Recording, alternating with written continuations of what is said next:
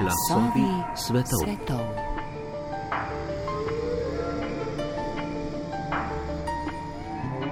Potem, ko smo se vsaj v zahodnem svetu v preteklih desetletjih navadili, da se z inflacijo ne ukvarjamo resno, zadnje mesece lahko opažamo občuten dvig cen nekaterih življenjskih potrebščin in inflacija je vsaj ponekod resnično dosegla stopnjo, ki je že nekaj časa nismo videli. Zdi se torej primeren trenutek, da si nekoliko pobliže ogledamo ta ekonomski fenomen, ki je po veliki krizi v 70-ih letih preteklega stoletja tako prestrašil kreatorje svetovnih gospodarskih politik, da so v prihodnjih desetletjih skušali narediti skoraj vse, kar je bilo mogoče, da bi stabilizirali cene, tudi če je to veliko krat prineslo recesijo in ustavljanje gospodarske rasti. O tem, kaj sploh je inflacija in kako nastane, kako so o njej razmišljali skozi zgodovino, ter o njenih ne le ekonomskih, ampak tudi psiholoških, družbenih in geopolitičnih razsežnostih, bomo v tokratnih glasovih svetov govorili z dr. Bogomirjem Kovačem z Ljubljanske ekonomske fakultete.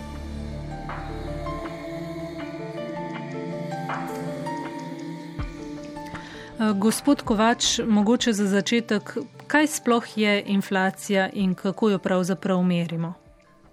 Inflacija velja za eno izmed najpomembnejših makroekonomskih kategorij, zato ker so cene običajno temeljno informacijsko orodje v tržnem gospodarstvu. Z inflacijo razumemo neko splošno raven cen, se pravi, inflacija pomeni zvišanje splošne ravni cen, poprečnih cen, vseh, ki nastopajo v nekem tržnem gospodarstvu v nekem določenem obdobju.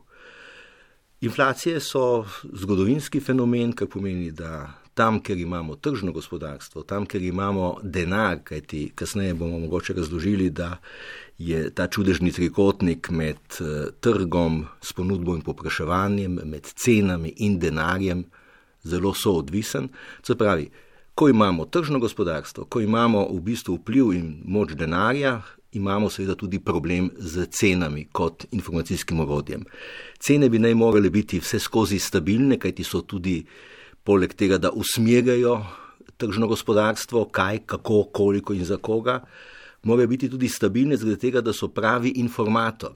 Če namreč cene naraščajo in izgubljajo tisto stabilnost pravega trdnega informacijskega orodja, ki mu vsi na trgu zaupajo, potem cenovni mehanizem pravzaprav ne deluje. No in zato ekonomisti običajno pravimo, da je inflacija z naraščajočimi cenami lahko ena izmed najnevarnejših bolezni tržnega gospodarstva.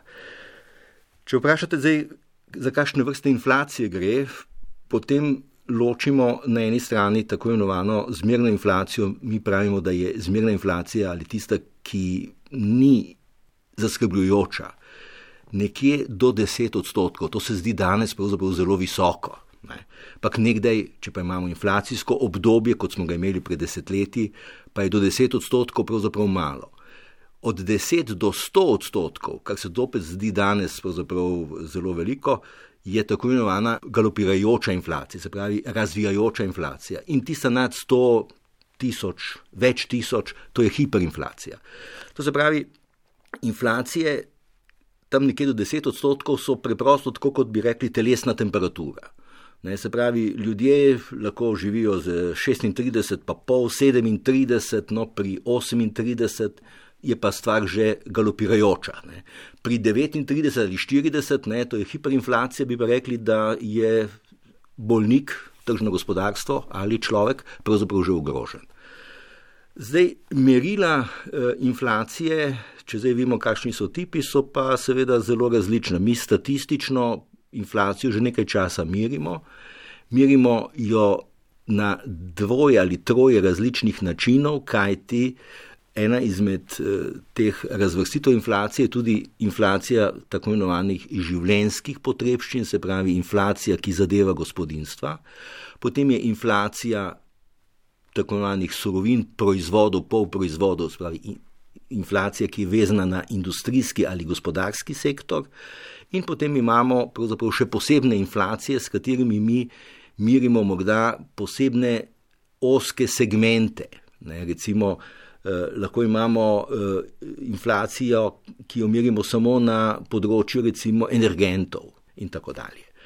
No, in eh, za tisto inflacijo, o kateri običajno govorimo kot na, za splošno raven cen, to je inflacija, ki je bolj ali manj vezana na neko košaro dobrin, ki jih ljudje uporabljajo. To niso seveda zgolj uh, vsakdanje potrošne dobrine, kot so hrana, potem so, je tukaj obleka, potem so tudi, tudi energenti, stanovanje in tako dalje. Tako da je znotraj tega pravzaprav neka količina dobrin, tudi storitev, z določenimi otežmi, ki jih statistično nekako določamo po državah, in krati potem v nekem širšem okolju, kot je recimo Evropska unija, to medsebojno usklajujemo. Zato govorimo o tako imenovanem harmoničnem indeksu inflacije, recimo znotraj Evropske unije, kjer pravzaprav državna mirjenja medsebojno usklajujemo, tako da pridemo do nekega, lahko rekli, primerljivega, globalnega evropskega merila, recimo to, kar seveda govorimo za Evropsko unijo, za evroskupino kot eh, skupino, ki ima potem eh, skupen denar in seveda znotraj tega tudi eh, smiselno skupno merilo cen. In to je tisto, kar običajno v statistiki tudi navajamo kot tako imenovano inflacijsko število, se pravi, gre za indeksirano inflacijo ali cene potrošnih dobrin v Evropi s pomočjo pravzaprav nekih pomembnih statistično dogovorjenih meril, uteži, kako in na kakšen način so potrošne dobrine pomembne za prebivalstvo oziroma za gospodinstva. Kaj vse pa pravzaprav sploh lahko povzroči inflacijo? Zdi se mi, da jo zelo veliko krat in tako je tudi danes pripisujemo predvsem pospešenemu tiskanju denarja strani centralnih bank, Ampak vemo, da ni tako preprosto. Res je, da so centralne banke med koronsko krizo sprostile veliko količino denarja v obtok, ampak to se je konec koncev dogajalo že prej, pa ni prihajalo do nobene rasti cen. Včasih smo imeli celo obratno težavo, torej težavo z deflacijo.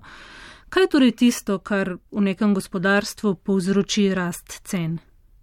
No, rekli smo predtem, da je inflacija en izmed najkompleksnejših fenomenov. Nažalost, je treba reči, da eh, teorijo cen danes pravzaprav ne predavamo več.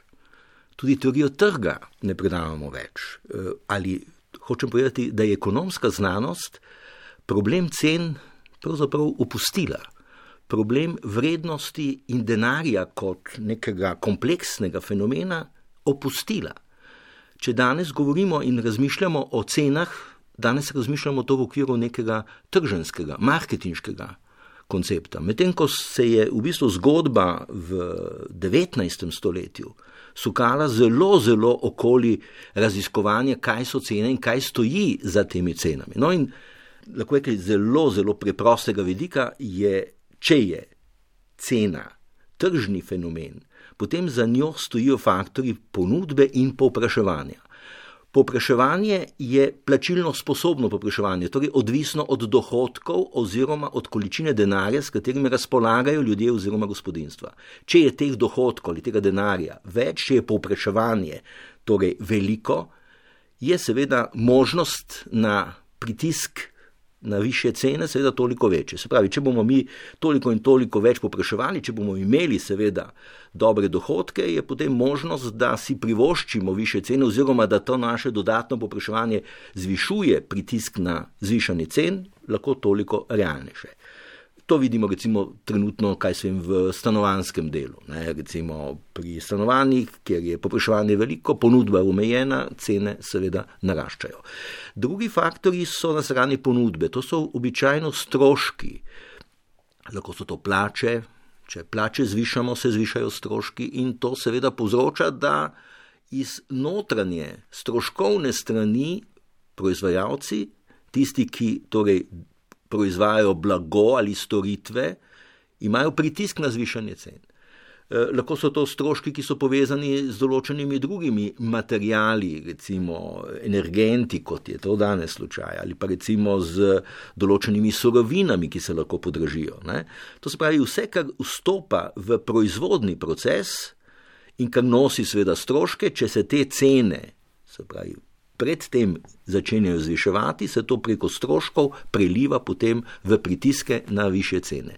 Toda inflacija je hkrati ne samo inflacija ponudbe ali možnega povpraševanja, ampak je lahko tudi stvar nek, kot, kot temu pravimo, sistemska inflacija. Se pravi, da ima neke globje sistemske vzroke. To je tisto, kar običajno potem opisujemo kot ali eh, zgodovinski vidik inflacije, se pravi, inflacije se namreč pojavljajo v nekem širšem zgodovinskem kontekstu, takrat, kadar nam tržni sistem nekako dolgoročno ne funkcionira ali kadar zaide dolgoročno v neke težave.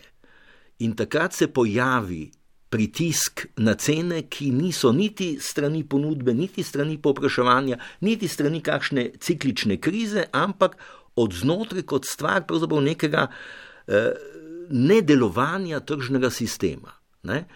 In zdi se, da je, če malo zopet aktualiziramo, danes, ko smo v zelo velikih težavah, tako z vidika transformacije tržnega gospodarstva v neko pravičnejše gospodarstvo, eh, z vidika tehnoloških eh, razvojnih prebojev v tako imenovano zeleno, digitalno gospodarstvo, tudi z vidika recimo eh, transformacije energentov.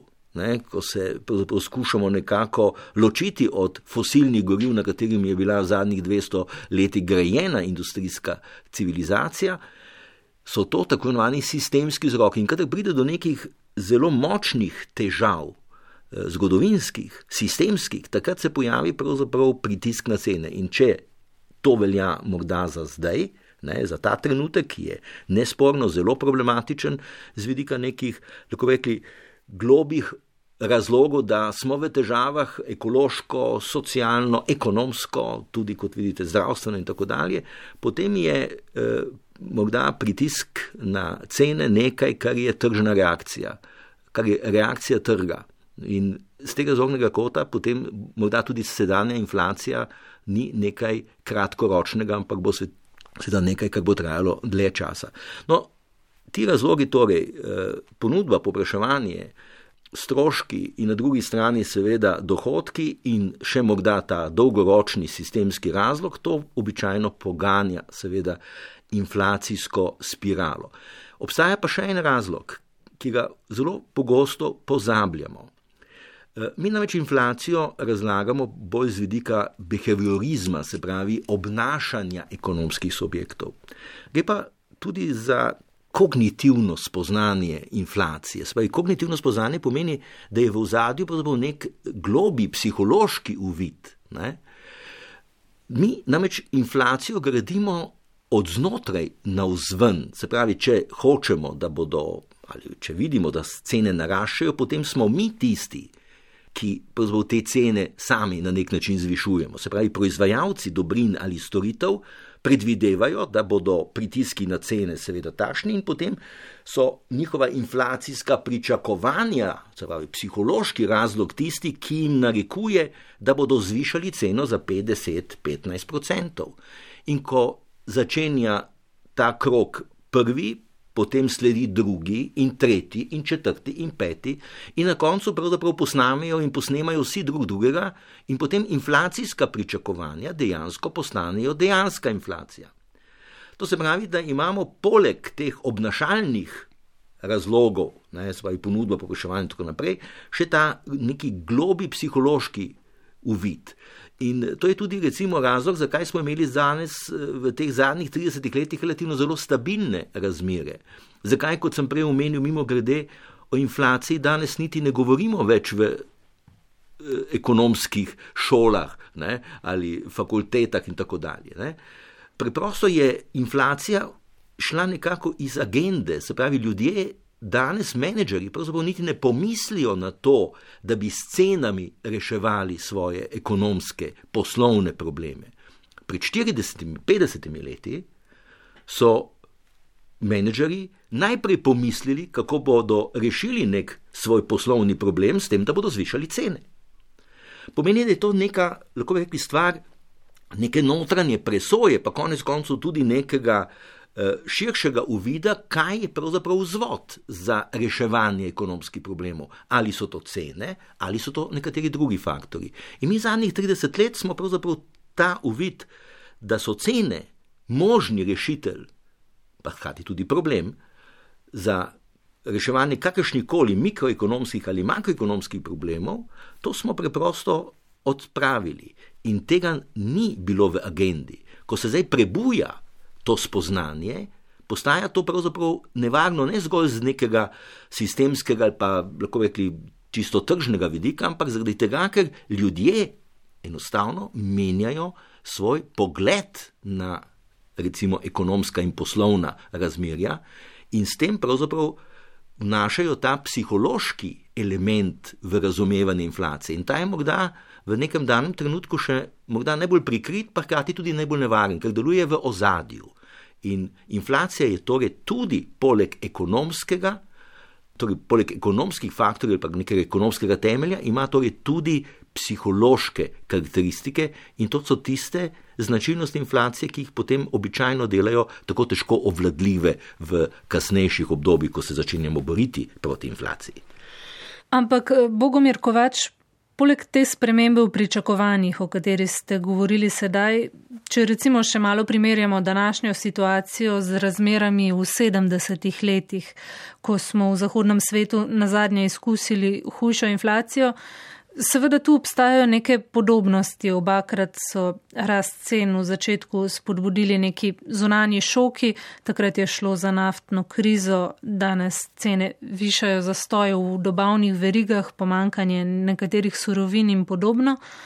Ampak kaj pa vpliv nekih širših družbeno-zgodovinskih dejavnikov, ker vseeno Takrat je bilo gospodarstvo toliko manj globalizirano, ni bilo tako kot danes, ko imamo delavce na drugem koncu sveta, ki lahko izdelke proizvajajo tako poceni, da s tem seveda nižajo tudi plače na zahodu, ker vedno obstaja ta grožnja selitve proizvodnje. Potem sindikati so imeli takrat veliko več moči in so bili veliko bolj razširjeni. Na strani delavcev je bilo torej v celoti pred 50 leti veliko več moči, da so zahtevali zvišanje plač, ko so začele rasti cene, kar seveda potem lahko sproži nek začaran krok. In vsega tega v bistvu danes ni več.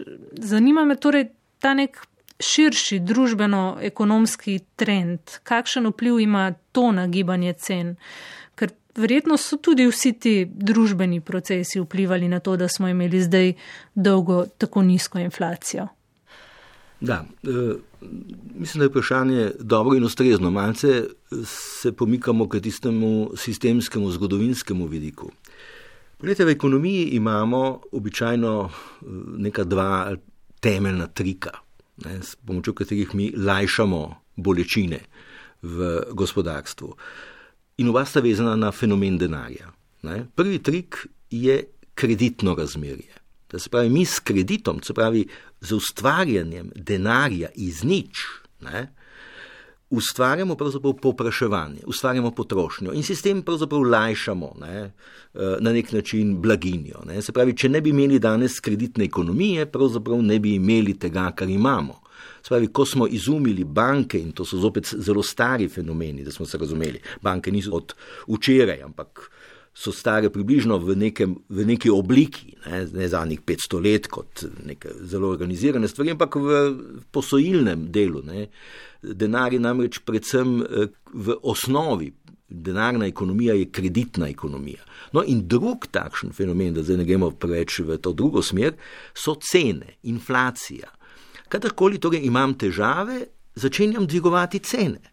In s tem pravzaprav pridobivam čas, pridobivam pravzaprav možnosti, da se mi povišajo dohodki, da v nekem danem trenutku prehitevam drugega in hkrati seveda pridobivam nek tako imenovani inflacijski dobiček. Ne? Če sem jaz hitreje dvignil cene, kot so jih dvignili drugi, potem sem seveda na boljšem. Zvavi inflacija na nek način pomaga, ne? kadar se gospodarstvo znajde v težavah. Če pa gremo zdaj v zgodovino in to logiko prenesemo na to 20. stoletje, o čemer ste spraševali, potem je po drugi svetovni vojni, in imeli smo torej v Evropi izjemno težavno obdobje, smo izgradnjo povojne Evrope in tudi, če hočete, sveta, zlasti zahodnega sveta, ker gre za razvita tržna gospodarstva, gradili med drugim z kreditno ekonomijo in z višjo inflacijo od pravzaprav nekega dolgoročnega poprečja. To nam je lajšalo razvojni cikl in nam omogočilo, da smo hitreje in lažje dosegli to blaginjo. To se je zgodilo pravzaprav v 50., 60. in tudi 70. letih.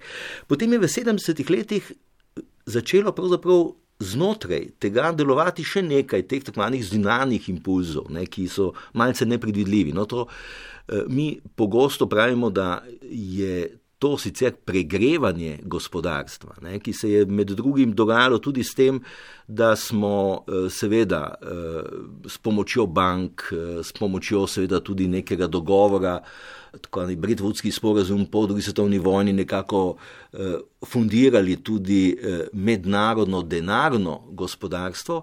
Vse to se je v začetku 70-ih let začelo seveda rušiti, torej destabilizirala se je denarna sfera. Eh, problematično je postajalo tudi eh, to eh, neprestano malce pregrevanje domačega gospodarstva in potem so prihajali še zunani šoki, kot veste, naftna kriza je bila rezultat pravzaprav kartelnega dogovora naftnih držav, ki so preprosto pač sklenile, da bodo omejile ponudbo nafte in seveda izsilile više cene. In to se je potem, ker so energenti tako pomembni, člen v zlasti stroškovnih produkcijskih procesih, je to povzročilo pravzaprav tako imenovani cenovni šok od zunaj. Ne? In to je povzročilo, da smo mi v 70-ih letih končali z seveda relativno visokimi inflacijami, 10 in 15 odstotki. Zdaj, če govorimo recimo o takratni naši državi Jugoslaviji, je bilo celo v socializmu, ki cen pravzaprav niti ni poznal, se pravi. Inflacije recimo v planskih gospodarstvih socialističnih, kot je bila takrat Sovjetska zveza in tako naprej, izhodni blok niti niso poznali. Jugoslavija pa je imela seveda kvazi tržno gospodarstvo in je seveda imela tudi inflacijo. Inflacija je bil pravzaprav rezultat tega, da smo imeli tržno gospodarstvo, pa da ga hkrati tudi nismo do kraja razvili. In eh, v Jugoslaviji se je živelo tudi z 15, 20, 25 odstotno inflacijo pravzaprav v teh, lahko rekli, relativno kritičnih obdobjih. No in zato potem v začetku 80-ih let, pravzaprav nek, lahko rekli, splošni konsens v zahodnem svetu, da je inflacija temeljni problem in da je treba vse z vidika makroekonomskih politik usmeriti seveda v dušenje inflacije in zlasti inflacijskih pričakovanj. No in od takrat smo pravzaprav dobili to obdobje, lahko rekli, 40 let, ker so se vse ekonomske politike razvitih tržnih gospodarstv ukvarjale s tem, kako zadošiti inflacijo. V tistem času je bil tudi potem eh, sprejeta neka, lahko rekli, skoraj da tradicionalna opredelitev. Eh, mislim, da je najbolje izrazil eh, Milton Friedman, nekako rekli, dejni oče, najboljši poznavalec monetarne ekonomije v drugi polovici 20. stoletja, da je inflacija in da so cene bolj ali manj povsod in od samega začetka denarni fenomen. Spravi, treba je omejiti ponudbo denarja in s pomočjo omejene ponudbe denarja, više cene denarja, pravzaprav omejiti na nek način gibanje cen. To je zgodba, ki sicer datira nekako iz 18. stoletja, ko smo doživeli v Evropi poplavo tako imenovanega eh, zlata z španskim usvajanjem eh, Amerike. In takrat je prišlo do te formulacije, tako imenovane kvantitativne teorije denarja, ker se ta neposredna povezanost denarja in cen izpostavi kot rečem, neko temeljno merilo.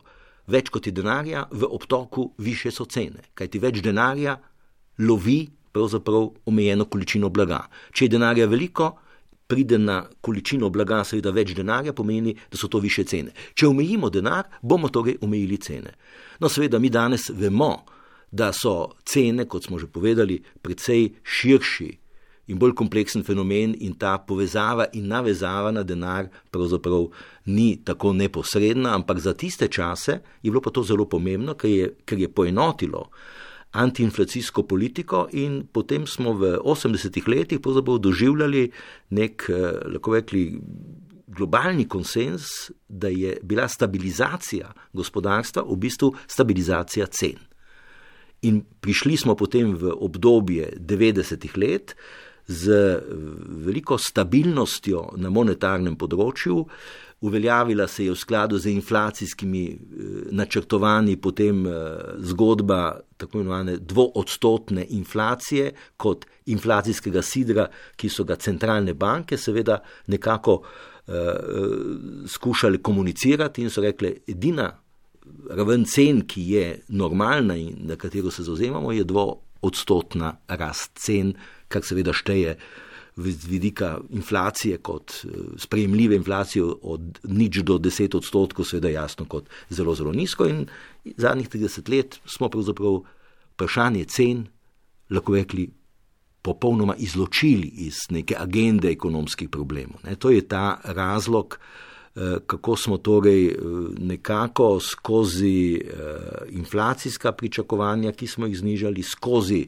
omejenost denarne politike, ne, smo to zgodbo nekako pripeljali potem v te mirne vode. Ampak v zadnjem desetletju, posebej od finančno-gospodarske krize naprej, se je pa, kot sva že omenila, monetarna politika precej sprostila. Torej, banke so močno povečale količino denarja v obtoku, inflacije pa kljub temu ni bilo. Kar, kot ste rekli, kaže, da teorije o tem, da več denarja nujno pomeni višjo inflacijo, niso čisto pravilne. Ampak zakaj? Zakaj vse ta denar v preteklem desetletju ni povzročil inflacije? Danes, recimo, pa glede tega nismo tako gotovi in se zdi, da je del višanja cen tudi posledica politik centralnih bank. Kako, kako naj si pravzaprav to razlagamo? No, tukaj je treba seveda reči, da je to rešitev pravzaprav pokazal eh, in nakazal nek drug veliki ekonomist 20. stoletja, to je Keynes. Eh, Keynes namreč trdi, da se eh, ta reka denarja, ki se zliva v narodno gospodarstvo. To, zopet, to so zopet krediti, da smo se razumeli, ne? z vidika centralnih bank. To ni tiskanje denarja, ampak je pravzaprav. Poslovne banke so tiste, ki ustvarjajo na nek način denar z dovolilom, seveda, centralne banke. Ne, to je današnja eh, denarna ureditev. No, in Keynes je pravzaprav predvidel, da se ta veliki rečni tok denarja razdeli v dva rokava. En rokav gre v potrošnjo, torej v realno gospodarstvo, tem, ker imamo dobrine, storitve, blago, gospodinstva in tako dalje, drugi tok pa gre pravzaprav na finančne trge, se pravi tam, ker mi trgujemo z vrednostnimi papirji. In mi, kot vidite, vrednostne papirje in cene na borzah ne štejemo med inflacijo. Ne, to, to je popolnoma izključeno. In ta tako imenovana likvidnostna past, ko imate vi, seveda, nizke obrestne mere in velik tok denarja, pomeni, da zaradi tega, ker se pravzaprav vrčevati ne izplača, ne, ljudje, zdaj govorimo zelo preprosto, rajši nalagajo denar v nakupe vrednostnih papirjev. In tam cene seveda brstijo. In če mi danes pogledamo, ne, so pravzaprav uh, cene ne, ali inflacija na borzah, če bi lahko tako rekli, ne, je bila fantastična. Se pravi, mi smo zelo hitro ne, v tem času, uh, pravzaprav v zadnjih desetih let, presegli za nekajkrat, seveda, zopet eh, obdobja in tudi cenovne višine vrednostnih papirjev iz preteklosti, in to je pravzaprav ta drugi, eh, lahko reki, paradoks cenovnih gibanj. Se pravi, inflacijo, ki jo mi merimo, na katero smo občutljivi, je pravzaprav tok, ki je šel eh, v eno smer, in ta očitno ni posrkal dovolj denarja ne, zato da bi se zgodba na cenovnem področju zgodila. Ne. Ampak se je pri reševanju finančno-ekonomske krize velik tok te denarne ekspanzije na nek način zbral na finančnih trgih. Zdaj, pandemična kriza pa je bila specifična kriza. Ona je namreč prizadela pravzaprav realno gospodarstvo, vsakdanje življenje ljudi treba je bilo pomagati pravzaprav eh, ljudem, ki niso šli na delo. Eh, treba je bilo na nek način reševati veliko bolj socialne probleme. In zdaj se je ta tok, ne, zavestno, pogledajte, programi, ki jih danes mi imamo, od ZDA do Evrope, Ne, Evropa pravzaprav samo v tem programskem sklopu več kot 2000 milijard. Biden, recimo, ne, ravno tako v tej krizi, gre v Ameriki z največjim programom. Merimo v tisočih milijardah, ki se zdaj stekajo v realni sektor. In rezultat tega je, da se zdaj tukaj v tem realnem sektorju ustvarja mnogo večji pritisk na cene. Ne? In tukaj pa imamo zdaj vendarle nekoliko drugačno zgodbo, kot pa jo imamo v nekem klasičnem, eh, lahko rekli, ekonomskem ciklu delitve realnega in lahko rekli finančnega bančnega sektorja. Tako da to je ta specifika, ki se nam je zdaj zgodila pa v eh, teh zadnjih dveh letih in že vidimo prve rezultate. Se pravi, dvig cen, ki je rezultat tega, da so napihovali, se vidite, tudi v Sloveniji smo ugotovili, ne, da smo pri koronskih ukrepih, ki so bili seveda pomembni, ne, vendar le pripeljali v zelo kratkem obdobju milijardo, recimo v povišanje dohodkov prebivalstva, zato da so seveda različno razporejenega, da smo se razumeli, zato da smo v bistvu nekako sanirali. Ampak zdaj ta kupna moč, ki je tukaj nastala, je zdaj povzročila, da je Seveda v zadnjem letu, ko smo vendarle nekoliko sprostili možnosti komunikacij in tudi spletnih nakupov, ki so se jih ljudje navadili, ne, je seveda potrošnja silovito narasla. Ne, ker je bila kupna moč večja, seveda se moramo zavedati, ne, kupna moč in tudi ta korona, je, ta kriza je seveda pripeljala seboj veliko neenakost v razdelitvi dohodkov. Se pravi, zopet so nekateri dobili ne, zelo veliko, drugi so dobili manj. In tisti, ki sicer dobijo zelo malo, so dobili najmanj. Ne, tako da se je seveda znotraj eh, teh tako imenih socialnih eh, diferencijacij eh, ni ni zgodilo, ne, ampak kakorkoli že, to je zopet druga zgodba ki ni povezana, vendar uh, inflacija je tista, ki je danes pravzaprav rezultat tudi specifičnega načina reševanja te krize in velike preusmeritve denarnih tokov, seveda v realno gospodarstvo, za reševanje seveda problemov, ki jih je ta pandemija povzročila. Bogomir Kovač, ampak potem smo, čeprav razumem, v precej neprijetni situaciji. Če želimo reševati gospodarsko krizo in imeti gospodarsko rast, seveda moramo vlagati denar v realno gospodarstvo. Če pa vlagamo denar v realno gospodarstvo, pa torej to skoraj avtomatično pomeni, da se precej poveča nevarnost uh, višanja cen. Ja, seveda. Uh, glede, če se danes, recimo v realno gospodarstvo, eh, zlasti so tukaj plače, recimo tiste, ki so zelo občutljive. Eh, mi običajno tudi sicer inflacijo zelo radi povezujemo s plačami, zato ker so plače pravzaprav dvoživka. Ne? Živijo namreč na strani ponudbe in na strani popraševanja. Na strani ponudbe zvišujejo stroške in s tem izvajajo pravzaprav stroškovni pritisk na zvišanje cen. Govorimo o tako imenovani stroškovni inflaciji. In na drugi strani so plače tiste, ki nam povečujejo plačilno sposobno povpraševanje, se pravi, imamo pravzaprav potrošniško, eh, potrošno inflacijo, inflacijo povpraševanja. No in te plače so se nesporno ne, v tem obdobju seveda zviševale. Zdaj se mi lahko pogovarjamo, ali so se zviševale pravično, ali se je eh, neenakost v tudi tej krizi povečevala. Seveda se je. In eh, kljub temu, da so države, seveda eh, tudi naša, posegale po eh, nekih konceptih tako imenovanega temeljnega dohodka, se pravi, da bi skušali vsem državljanom nekako zagotoviti neke minimalne preživetvene standarde z seveda temi dohodki, ki jih dobijo skozi takšne drugačne subvencije smo vendarle doživeli tudi sveda to visoko stopnjo neenakosti. No, to je eden izmed vzvodov, ki povezujejo seveda inflacijo. Zdaj, zgodilo se nam je tudi to, da so v tem času eh, se zgodili tudi nekateri ti zunani eh, veliki premiki. Ne? Eh, ki so morda globalnega strateškega značaja in z samo to vsakdanjo tržno ekonomijo niti nimajo kakšne posebne zveze. Zdaj, mi imamo na eni strani, torej, kot vidite, velik eh, politični pritisk eh, na energetsko transformacijo držav, se pravi proti fosilnim gorivom. Hkrati pa imamo seveda realno gospodarstvo, ki na to ni na nek način prilagojeno.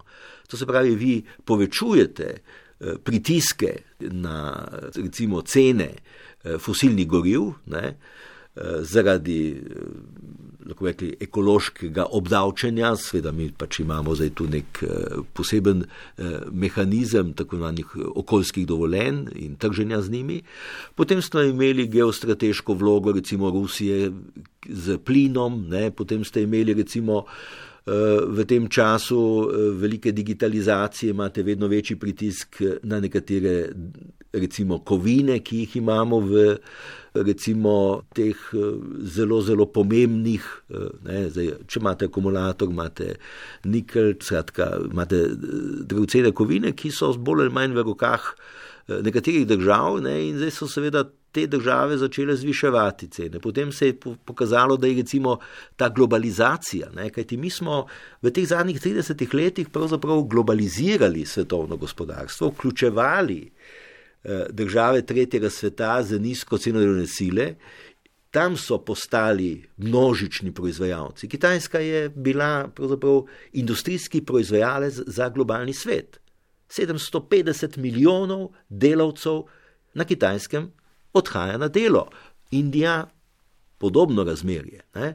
Cene delovne sile so bile in so tam seveda mnogo nižje in zato so bili ti izdelki, seveda zelo, zelo ceneni in mi smo s cenenimi industrijskimi, pa tudi drugimi potrošnjimi izdelki zniževali cene tako imenovane potrošne košarice pri nas. Se pravi, če vi lahko danes kupite tekstilni proizvod za 5, 6, 70 evrov, zaradi tega, ker je v ozadju seveda popolno izkoriščanje eh, delovne sile, recimo v Indiji in tako dalje, ali kjerkoli azijski ali afriški državi, potem je to seveda zgodba, na katerem temelji današnja blaginja in tudi stabilnost cen.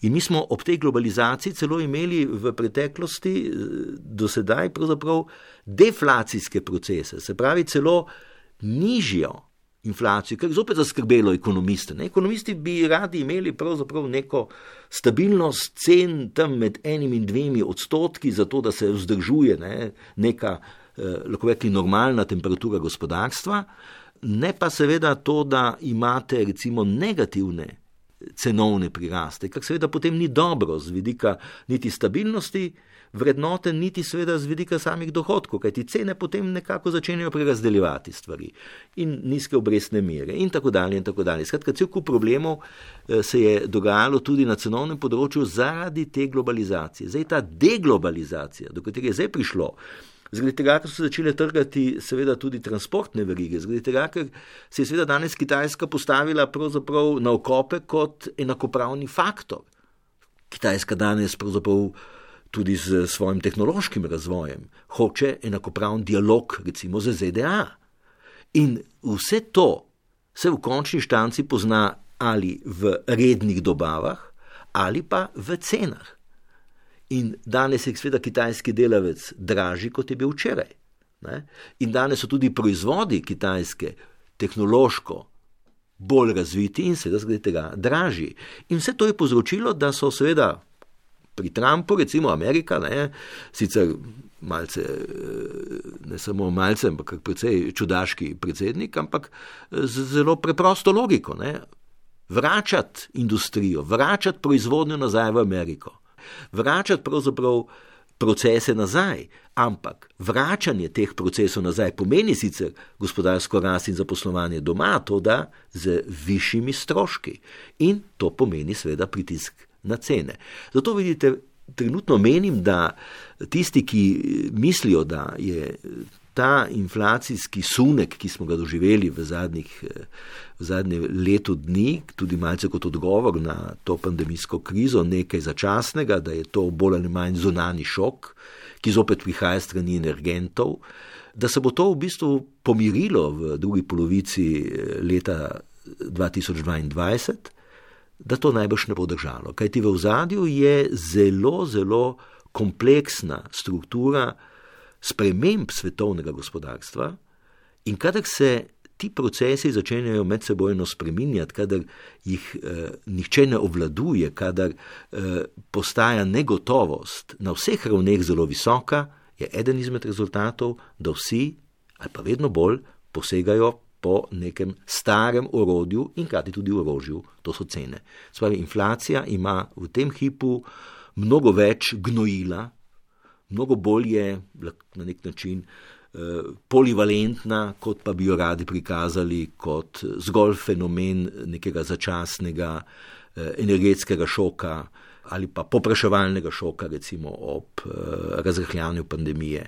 Nič od tega pravzaprav največ ne more biti res, kajti nič se tako drastičnega na kratek rok ni zgodilo. Ne, in zato tudi najbrž ne bo ta inflacija, ki zdaj dobiva na zaletu, ne, vidite, eh, skoraj da 5-6 odstotna, pravzaprav že v Evropi, ne, v Ameriki, vse posod v zahodnem svetu se počasi prebuja in približujemo se pravzaprav polovici tistih vrednosti. Kljub temu, da je v zadju, če zdaj merimo zgolj sveda, čisto potrošne cene, tudi v Sloveniji, recimo 4,6, ampak samo na potrošnem delu pa nekaj nad en odstotek, spravi tam ni problem. Ne? Ampak ti sunki, ki prihajajo zdaj noter ne? na posameznih področjih, to je pa seveda nekaj, kar ne bo pravzaprav tako hitro minilo. In eh, še to je treba se, če smo že pri tem, eh, zavedati, da Ljudje tudi potem običajno občutimo inflacijo zelo različno, ne? kajti naše košare dobrin so zelo različne in zdaj, če se zelo veliko vozimo, ne? če se grejemo z dragimi energenti, potem bomo seveda uh, občutili ta šok uh, z dražjo nafto, z dražjimi energenti, seveda precej bolj, kot pa če smo nekje, se pravi, odvisni od domačih drv ali pa od kolesa, ki ga imamo pravzaprav pred hišo. Eh, Bogomir Kovač, koliko pa ta nekoliko višja inflacija nujno predstavlja problem? Govorila sva o obdobju po drugi svetovni vojni, ko je inflacija bila nekoliko višja, ampak je bila tudi gospodarska rast visoka, dobički so se veliko bolj enakomerno porazdeljevali, tako da so dejansko od te rasti imeli vsi razredi nekaj, konec koncev to obdobje na Zahodu vidimo skoraj kot nekakšno zlato dobo kapitalizma. Zanima me torej, koliko je povišena inflacija nujno problem in pa tudi na kakšne načine se lahko rast cen zameji, kakšne mehanizme poznamo. Govori se namreč predvsem o zviševanju obrestnih mer strani centralnih bank, torej spet o tem zmanjševanju količine denarja v obtoku ki pa seveda lahko sproži gospodarsko recesijo, torej povzroči nek nov problem, morda še večji. No, ekonomisti so v tem zadnjem obdobju ne, eh, celo začeli govoriti, da bi bilo dobro ne samo doseči dvoodstotno inflacijo, ampak morda imeti štiriodstotno inflacijo. Spravi, da bi centralne banke pravzaprav ta svoj notranji cilj povišale, zaradi tega, da bi nekako nakazale, ne, da, da je treba spremeniti, nekako z cenami nakazati nek nov val eh, gospodarske rasti in transformacije, kajti za obdobje zadnjih desetih, petnajstih let je vendarle značilno v razvitih gospodarstvih, da smo imeli tako imenovano ekonomsko stagnacijo, svoje gospodarske rasti, veste, med 1 in 2 odstotka, ne, to ni veliko. Ne. Zdaj, trenutno je ta odboj relativno visok, ampak zato ker je bil padec pred tem seveda zelo velik. Pomeni, z tega zornega kota nekoliko višja inflacija sploh ne bi bila problematična. Tudi danes pravzaprav eh, še vedno eh, centralne banke, ki merijo nekoliko zopet eh, skozi svoj zorni kot, govorijo, da to pravzaprav ni problem in tudi so tiste, ki strajajo na tem, da bo ta inflacijski šok bolj ali manj minil v naslednjem letu in se bo izpel, kajti naj bi ga povzročile predvsem cene na eh, energetskem trgu. Eh, nevarnost inflacije ali poigravanja za 4 ali 5 odstotno inflacijo je ravno v tem, da je to, lahko bi rekli, bolezen tržnega gospodarstva. Ne. Mi se lahko malce poigravamo, ne. če bi zdaj zopet govoril nekoliko z medicinsko primero, malo zbolimo, ne. pa ne preveč, ampak to je virus, ne, ki se potem lahko zelo hitro razširi. To je virus, ki lahko povzroči vedno večje težave. Se pravi, ko vi enkrat inflacijo spustite, ni nobenih garancij, da jo boste zadržali na petih odstotkih. Na štirih odstotkih. Mi smo nekako imeli zdaj garancijo, ne, da jo držimo od nič do dva, za ceno, seveda, ekonomske stagnacije. Če bi imeli torej višjo, 4 ali 5 odstotkov, nismo povsem prepričani, ali bi z današnjo koordinacijo ekonomskih politik uspeli zadržati inflacijo pri 4 odstotkih, kar bi bilo seveda dobro.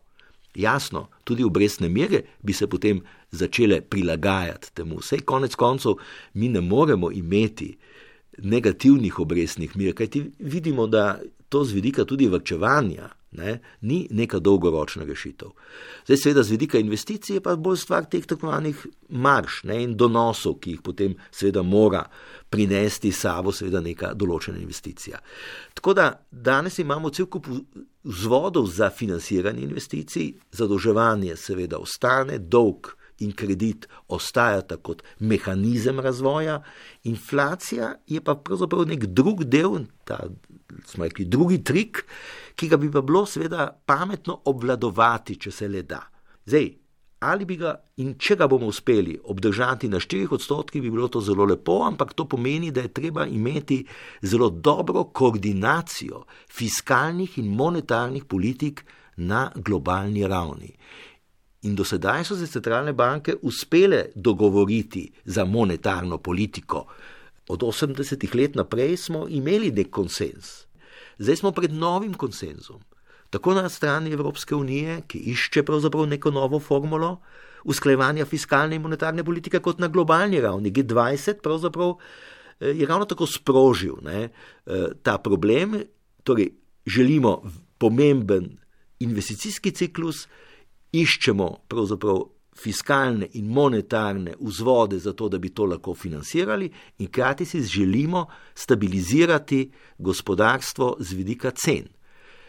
Cene so trenutno tiste, ki nam bolj spontano kažejo, ne, da je nekaj narobe, oziroma da tega obvladovanja pravzaprav še ne obvladamo, če bi se temu tako reklo. Ne. Se pravi, da nismo dovolj spretni.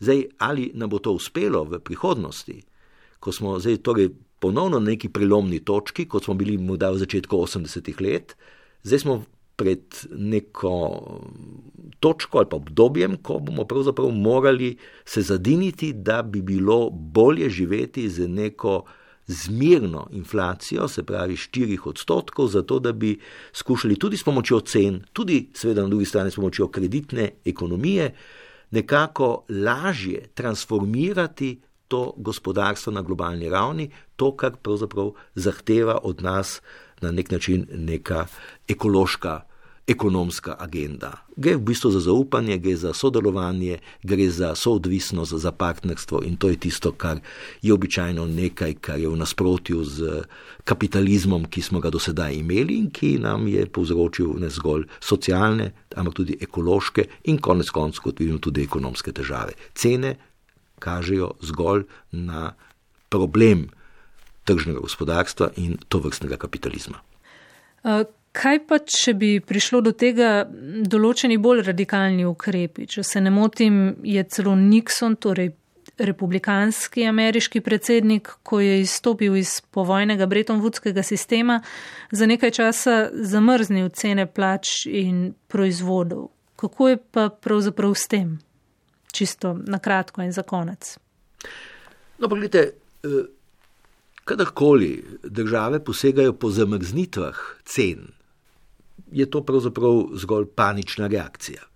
Eh, mi pravzaprav cen kot ekskluzivno tržnega fenomena ne moremo v bistveni meri omejevati. To je lahko nek kratkoročni ukrep. Mi danes lahko limitiramo cene energentov, mi lahko danes začasno limitiramo recimo eh, cene plač ali kaj podobnega.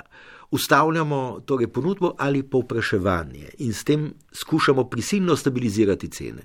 Ampak to ni rešitev. Rešitev je pravzaprav v nekem spontanem, globalnem usklajevanju, kajti če je kaj značilnost tržnega gospodarstva, potem je, da gradi na avtonomiji in svobodi tržnih odločitev. Cene kažejo, to demokratičnost trga, to, kar je nekako skozi zgodovino pokazalo tudi moč tržnega gospodarstva, tudi moč, če hočete, politične demokracije, ki se je potem, pa političnih svoboščin, ki se je na njo vezalo.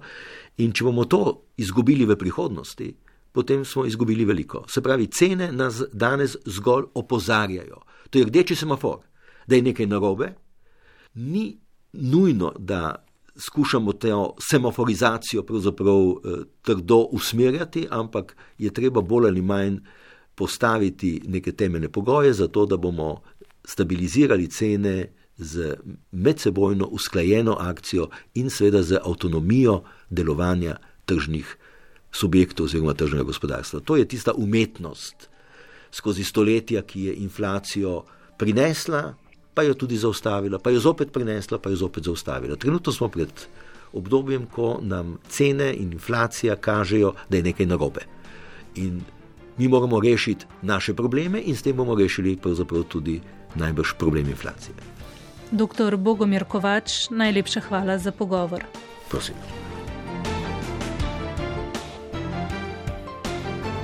S tem smo prišli do konca tokratnih glasov svetov, v katerih smo skušali nekoliko osvetliti fenomen inflacije. Gost je bil ekonomist dr. Bogomir Kovač.